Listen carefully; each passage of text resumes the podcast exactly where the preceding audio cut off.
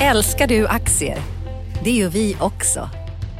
Sea Worldwide Asset Management är en av Nordens största oberoende aktiva aktieförvaltare och har samlad kunskap sedan 1986.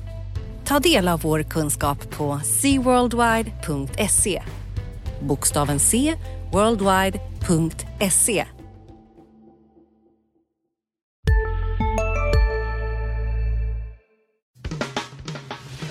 Analyspodden från Dagens Industri. Hej och välkommen till Analyspodden, Dagens Industris eh, veckoliga försök att eh, förstå vad som har hänt på finansmarknaderna. Börs och makro är det som gäller och blandningen däremellan. Eh, jag heter Viktor Munkhammar och jag ska göra det här idag tillsammans med Johan Wendel. Hej Johan! Hejsan hejsan! Ja, eh, stökig vecka får man säga. Mycket att prata om. Eh, det har varit oro i de flesta hörn av finansmarknaden. Eller vad? Vill du ta, ta oss igenom lite börsen till att börja med? Om vi ska börja någonstans. Absolut. Eh, må vi leva i intressanta tider eh, kan man väl säga. Vi har haft två dagar den här veckan där OMX30 har fallit över 2% Nu har vi på fredagen här när vi spelar in den här podden så har vi en liten återhämtning. Börsen är upp drygt 1 här i Stockholm.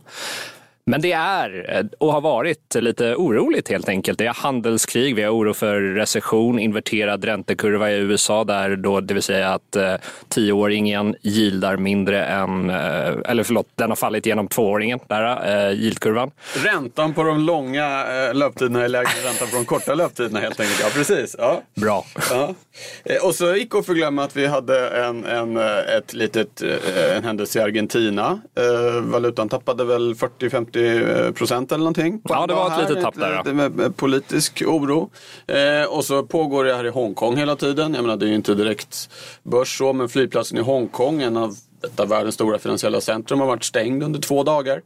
Eh, och lite sånt som liksom krydda till den här grundläggande ekonomiska oron. Ja, och vi har oron med Iran där det är olika tanker som håller på att sisas hela tiden. Protester i Moskva. Vi har bråk mellan Japan och Sydkorea där Sydkorea har tagit bort Japan som någon sorts handelspartner.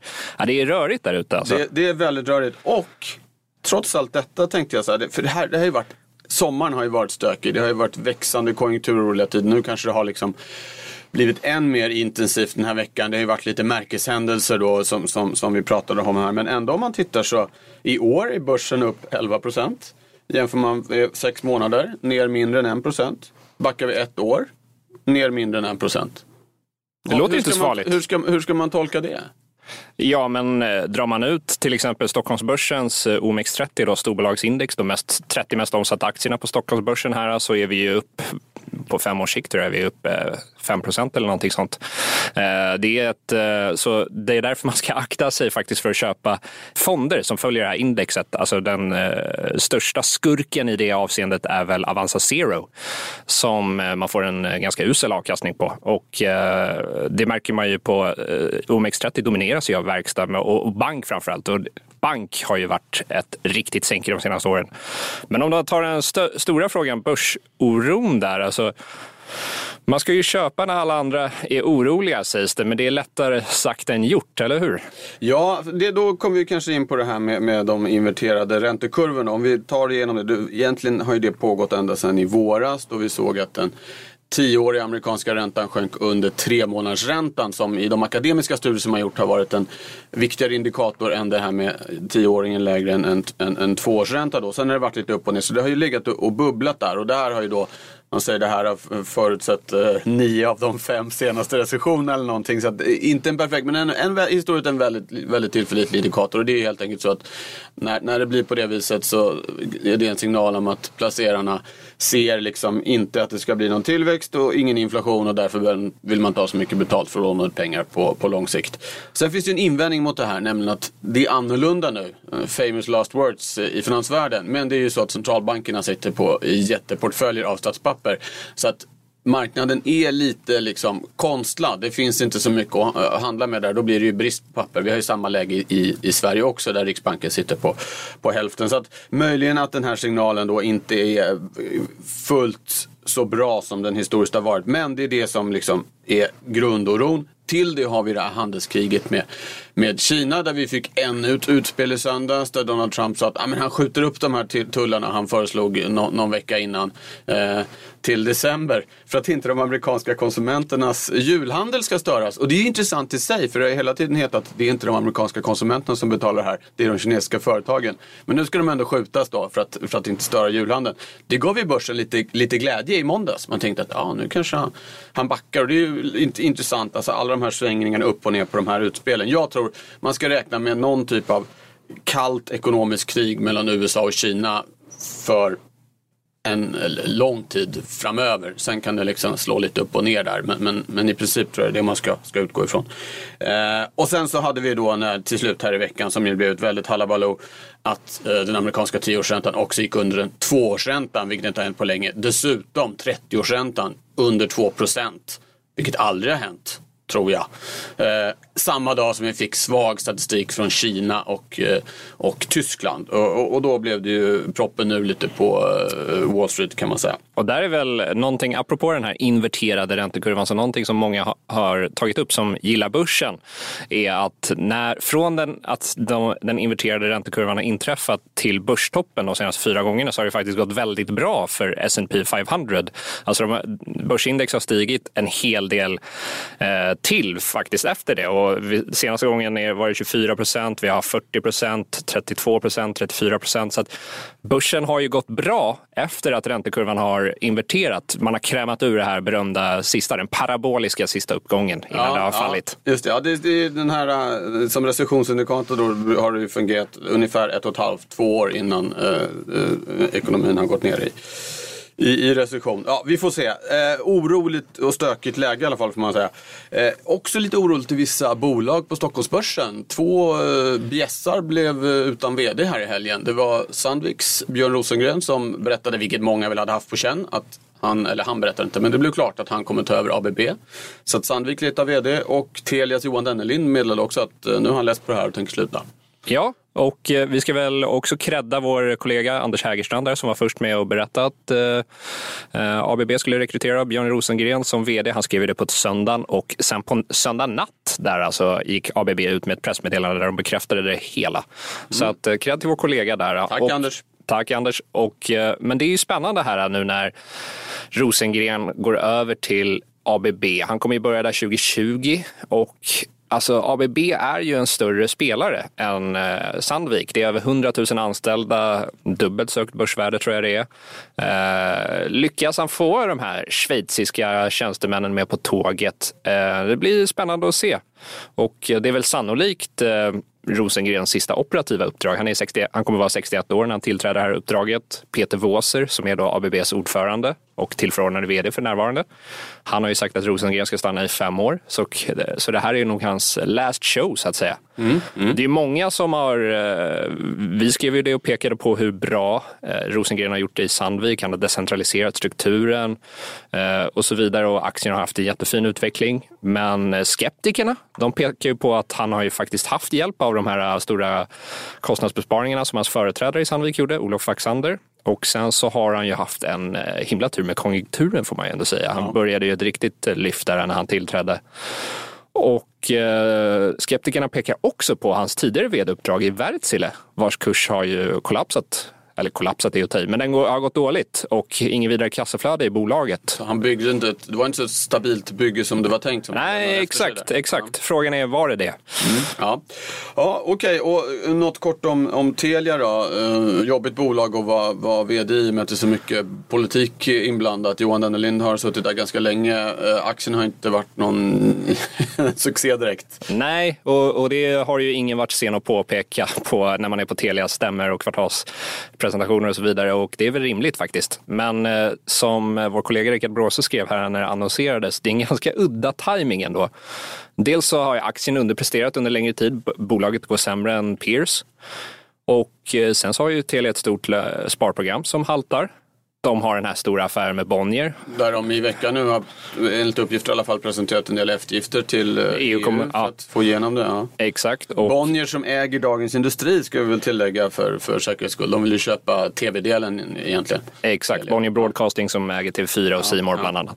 Så att, så att uh, ja, lite udda timing kanske att avgå. Han kommer fortsätta vara tillförordnad vd. Han kommer försvinna någon gång under 2020, eh, Johan Dennelind. Men det här, då, det här fogar ju ännu nya bolag till eh, raderna bland storbolagen på Stockholmsbörsen som saknar vd. Nu har vi alltså Sandvik, det är Telia som ska rekrytera en ny vd. Swedbank. Swedbank, Nordea. Eh, ja. Det är stora, det är stort börsvärde på de här aktörerna. Absolut, absolut. Ja, ja. Som, som, vår, eh, som vår kollega Agneta Jönsson påpekade här i veckan så kanske blir lite lättare nu för bankerna att rekrytera när de ska göra av sig med så mycket personal ute i världen, de stora bankerna. Så att det kanske finns några direktörer som har tappat jobbet det, ute på det är, det är HSBC. Personalslakt i den internationella bankvärlden. Ja. Uh, bra, om vi fortsätter bara lite mer med, med börsen så kanske vi ska ta lite mera makro sen. Men vi har ju faktiskt ett rejält stort bolag som kom med en jättefin rapport i veckan, ICA. Ja, absolut. absolut. Överraskade alla, eller var det många bankar, blankare som fick täcka sina positioner där? De var, jag de tror det var precis det. Det var en kraftig kursreaktion. Ja, exakt. Jag tror det var en liten short squeeze där i ICA på torsdagen när den rapporten kom och de slog ju också kursrekord ska vi vara med och notera. Eh, men ICA är ju en sån där aktie och även konkurrenten Axfood likaså. Det är en sån där aktie där analytikerna har varit väldigt skeptiska. Finns inte en enda köprek på varken ICA eller Axfood. Eh, majoritet i säljrekar. Vi har också ett gäng blankare som är inne i både ICA och Axfood. Så att, ja, är man konspiratoriskt lagd kan man notera det sambandet. Eh, men, men eh, ICA slog ju verkligen de blankarna på fingrarna och jag såg att nu på fredagen här så hade vi fått in flera eh, ja. Vi är specialister på det vi gör, precis som du. Därför försäkrar vi på Swedea bara småföretag, som ditt. För oss är små företag alltid större än stora och vår företagsförsäkring anpassar sig helt efter firmans förutsättningar. Gå in på swedea.se företag och jämför själv. Sista dagarna nu på vårens stora season sale. Passa på att göra sommarfint hemma, både inne och ute och fynda till fantastiska priser. Måndagen den 6 maj avslutar vi med Kvällsöppet i 21. Välkommen till Mio. Lite estimathöjningar och så vidare från eh, banker på ICA och så vidare. Så att, men eh, det finns fortfarande en skepsis mot ICA-aktien tror jag eh, på eh, säljsidan som det heter. Ja, ja, annars är väl eh, ICA Axfood är väl typ exempel på sådana där aktier som man gillar i de här oroliga tiderna. Alltså låg, låg risk Eh, man behöver köpa mjölk och smör. Exakt, man ser, man ser dem lite som så obligationer. För om vi ja. ser ICAs direktavkastning, den, den har ju gått som eh, obligationerna i stort. Den är nere på 2,5 procent ja. nu. Ja. ja. Och där var ju bra tillfälle att gå över till eh, obligationsräntor som går ner. Jag tänkte bara några saker man kan uppmärksamma ändå är att vi nu har en svensk tioårsränta som faktiskt ligger under styrräntan. Eh, det har hänt två gånger tidigare eh, sedan millennieskiftet. Den första gången var hösten 2008 som kanske inte väcker så jättepositiva minnen.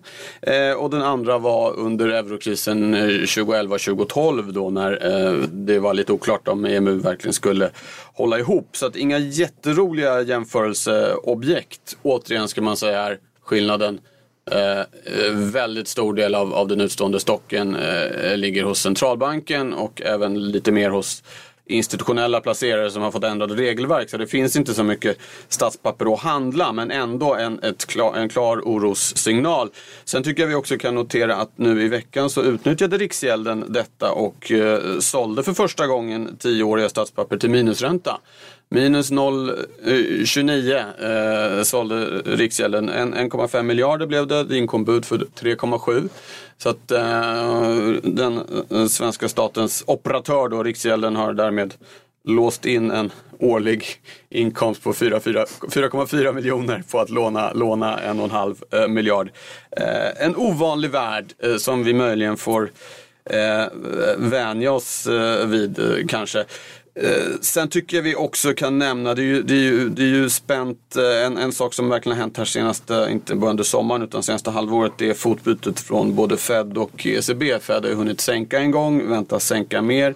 ECB har tydligt krattat för det och där sa ju Olli Rehn på torsdagskvällen att vi eh, kommer göra någonting som Ja, han höjde förväntningarna kan man säga. Jag minns inte exakt ordvalet men det var slår marknaden med häpnad eller som verkligen uh, gör någonting. Han är då chef för Finlands bank.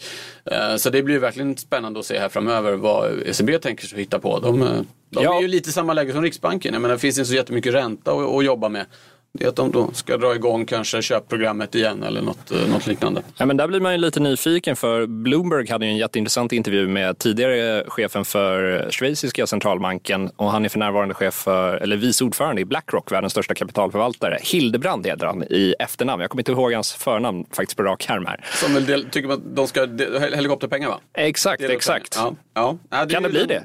Alltså, det är väl den, den mest extrema åtgärden som centralbankerna eh, kan ta till. Jag tror inte vi är där än. Jag hoppas att vi inte kommer dit. Varför men, inte? Men, eh, därför att om vi kommer dit så har läget försämrats betydligt från där vi är idag och det vill jag inte.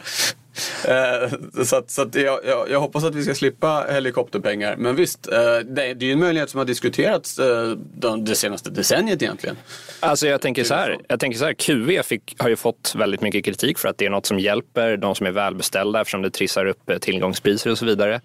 Men en, en, liksom, en kontant utbetalning till, till gemene man, det skulle väl gynna den arbetande personen som kanske inte tjänar så. Ja, man skulle ju kunna göra den uh, progressiv också kanske. Att man får en större utbetalning. Om man är lite fattig. Ja. Ja, om man tänker sig att det ska stötta konjunkturen. Den ja. marginella uh, konsumtionsbenägenheten är ju större Absolut. om man har en lägre, lägre inkomst. Ja, vi får se. Det, vi lever i eh, ovanliga tider i alla fall. Eh, men men att, att någonting är på gång från ECB kan man, nog, kan man nog vara ganska säker på. Och det har ju påverkan på, på Riksbanken då, som vi fortfarande officiellt tänker sig att höja vid årsskiftet. Vi fick i veckan en, ett inflationsutfall som var faktiskt lite högre än vad Riksbanken och även marknaden hade trott. Men inflationen är fortfarande en bit under två. Eh, mer oroande tror jag för Riksbanken är också, vi fick en ny mätning av inflationsförväntningarna som på fem år sjönk till 1,8 1,75 om man ska vara petnoga. Och det börjar bli svårt för Riksbanken att hävda som de har gjort länge att inflationsförväntningarna är stabilt förankrade kring målet. Eh, och, och, det tror jag gör dem rätt nervösa. Det här, bland annat det här har också fått Swedbank att byta fot och inte längre tro på någon räntehöjning. Eh, det har fått, eh, med allt annat som har hänt, analyshuset Capital Economics att tro att Riksbanken sänker räntan i december, gå tillbaka till, ta tillbaka förra decembers eh, höjning då. Så att eh, eh, klar motvind för, eh, för, eh, för, för Riksbanken då inför räntemötet. Nästa räntebesked kommer den 5 september. Ehm, ehm, så att, eh, ja, kämpigt läge även där kan man säga. vad ska vi säga mer om veckan? Ja, men vi har ju haft, om vi ska gå och ta en liten mikrobild istället. Ja, låt oss så har vi ju haft eh, lite rapporter här också utöver ICA på Stockholmsbörsen. Alltså jag tänker på gambling och bettingbolaget eh, Leo Vegas. Mm. kom ju med en rapport här tidigare i veckan som jag skrev lite om. Det var ju en väldigt sur reaktion på den, eh, på den rapporten. Leo Vegas aktie hade ju handlats upp inför rapporten för att det var lite höga förväntningar på den och man pekade bland annat på, det kom ju in så här skatteinbetalningar som redovisas till Skatteverket och de tyder på att Leo Vegas plockar marknadsandelar i Sverige. Och det gör de mycket riktigt. Men eh, ja, det var väl den här klassiska, man, man handl- köpte på ryktet och sålde på nyheten. Liksom. Eh, och, och, jag tycker att Leo Vegas flaggade ju själv för att eh, ja, men det blir högre marknadsföringskostnader kommande kvartal, alltså lägre marginal. Och sen så är det fort, fortsatt tufft alltså, i till exempel Storbritannien där de tappar ganska mycket. Så mm. att, ja intressant. Och sen har vi haft lite dataspelsrapporter. THQ, Nordic, vi har Stillfront, vi har Paradox som har kommit här. Och det är spännande att de bara tycks växa. Alltså, THQ omsätter över en miljard det här kvartalet. Mm. Fantastiskt. Ja, ja. Så lite, lite liksom guldkornen då på den annars stökiga börsen? Ja, absolut. Jag tänker så här, det man kan ta upp med THQ som många börjar peka på här nu. De har gjort massa förvärv och de har gjort, eh, eh liksom, man köpt, traditionellt har de köpt kanske grejer som har gått lite dåligt och man vill försöka skruva på dem och få det att gå lite bättre. Det många som pekar på nu är att nu har de gjort så mycket förvärv. Nu vill vi se att de faktiskt också kan leverera fullt ut på de här förvärven som man har gjort och inte fortsätta förvärva. Och jag håller med, det har blivit liksom ganska många rörliga delar i THQ och det har ökat risken liksom, eh, faktiskt. Jag tycker man ska ha en lite lägre värdering på THQ kontra kanske Paradox. som har en eh, Ja, det är inte lika mycket förvärvsrisker i Paradox som det är i THQ. Mindre stökigt? Stökigt är fel ord att använda, men det är definitivt en utmaning tror jag att vara chef för THQ. Men ja. Lars Wingefors, ja, värmländska vdn där, har ju gjort det superbra. Men jag tänker att man ska vara medveten om det här. Ja. Bra, ska vi eh, blicka lite framåt? Absolut. Kanske, mot nästa vecka då. På min, min sida bordet, det vill säga makrosidan, så blir väl det mest spännande eh, jobbstatistiken. Sverige som kommer, AKU och även eh, SCB eh, kommer också att presentera vakansgraden. Det har ju varit en tendens egentligen ett halvår, ett år att den här väldigt starka arbetsmarknaden har börjat vika. Vi fick en rejäl studs upp i arbetslösheten i, i juni, kanske faller tillbaka lite till juli men, men, men trenden är ändå att vi får en svagare arbetsmarknad. Exempelvis nu i veckan fick vi statistik som visar att övertiden minskar. Och det här blir väldigt intressant. Dels inför, inför budgeten nu i höst därför att den svenska, de svenska statsfinanserna är väldigt känsliga för arbetsmarknaden och får vi nu en sättning där så, så innebär det eh, en försvagning av statsfinanserna förutom då att folk blir av med jobbet vilket ju är, är illa nog. Så det blir intressant att, att kika på den. Det, det tror jag är Eh, det är även någonting såklart som kommer påverka avtalsrörelsen som ju drar igång i höst. Och den i sin tur påverkar Riksbankens förutsättningar för de närmaste åren. För den löneökningstakt som vi haft nu, där den verkar mer eller mindre parkerad 2,5% per år. Det leder inte till någon inflation som uthålligt ligger på, på 2, 2%. Så att eh, eh arbetsmarknaden eh, under hösten och med start då redan eh, eh, nästa vecka blir väldigt intressant att följa ur flera, flera aspekter. Har vi något, förutom allmänna börsutvecklingen, är det några liksom set pieces nästa vecka som man ska hålla koll på? Ja, men vi har kanske inga jättestora bolag som rapporterar, men vi har Catena Media till exempel, spelmarknadsföringsbolaget som driver affiliates. Men sen så det största bolaget som vi har nästa vecka som rapporterar på torsdag är Elekta faktiskt. Mm. Och eh, det blir lite spännande att se vad, vad de tar vägen. Det är en ganska konjunkturokänslig känslig eh, aktie får man väl ändå säga. Ja. Och eh, den är upp 23 procent i år här. Så att, eh, ja, spännande att se. Ja, ja. Bra, och allra mest spännande blir väl att se vad som händer med den, eh, jag ska inte säga galna, men ovanliga räntemarknaden och förstås hålla koll på alla olika utspel i, inte minst bland USA och Kina. Det vi inte ens har nämnt är ju Brexit som närmar sig. Ser ju inget vidare ut om man uttrycker det försiktigt. Ja, och det påverkar ju, Brexit är ju en sån här jättefaktor som är för många börsbolag. Alltså vi har AstraZeneca som har sagt att deras guidning för det här räkenskapsåret, det beror på att det blir en Brexit i vad man kallar orderly fashion. Även om det blir en no deal Brexit så blir det orderly fashion. Vad det betyder exakt, det är, ja, det är ingen som vet. Nej. Men sen ska vi inte glömma, sist men inte minst, Donald Trump har enligt uppgift velat köpa Grönland jag undrar vad han betalar för multipel för Grönland. Ja, jag undrar vad han ska ha Grönland till i så fall. Uh, osannolikt att affären blir av, men ja, det får väl en bra avslutning på en uh, stökig och rörig vecka, denna lilla nyhet. Ska vi också nämna kanske att det pågår försök att driva fram nyval i Italien. Uh, som ju på kanske fem års sikt är det största hotet mot EMU kan man säga. Det har nästan farit helt under radarn den här veckan men det är ju en en, eh, en ganska stor händelse som har potentiell eh, påverkan på både det ena och det andra. Okej, eh, vi sätter stopp va? Ja, vi orkar inte mer röra nu. Det gör nog inte lyssnarna heller. Nej. Vi är tillbaka med mer stök nästa vecka, det vågar vi nästan lova. Tack så ni ha för att ni har lyssnat. Trevlig helg. Hej, hej. Analyspodden från Dagens Industri. Programmet redigerades av Umami Produktion. Ansvarig utgivare Peter Fellman.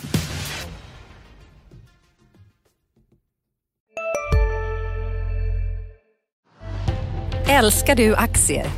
Det gör vi också. Sea Worldwide Asset Management är en av Nordens största oberoende aktiva aktieförvaltare och har samlad kunskap sedan 1986. Ta del av vår kunskap på seaworldwide.se. Bokstaven C, worldwide.se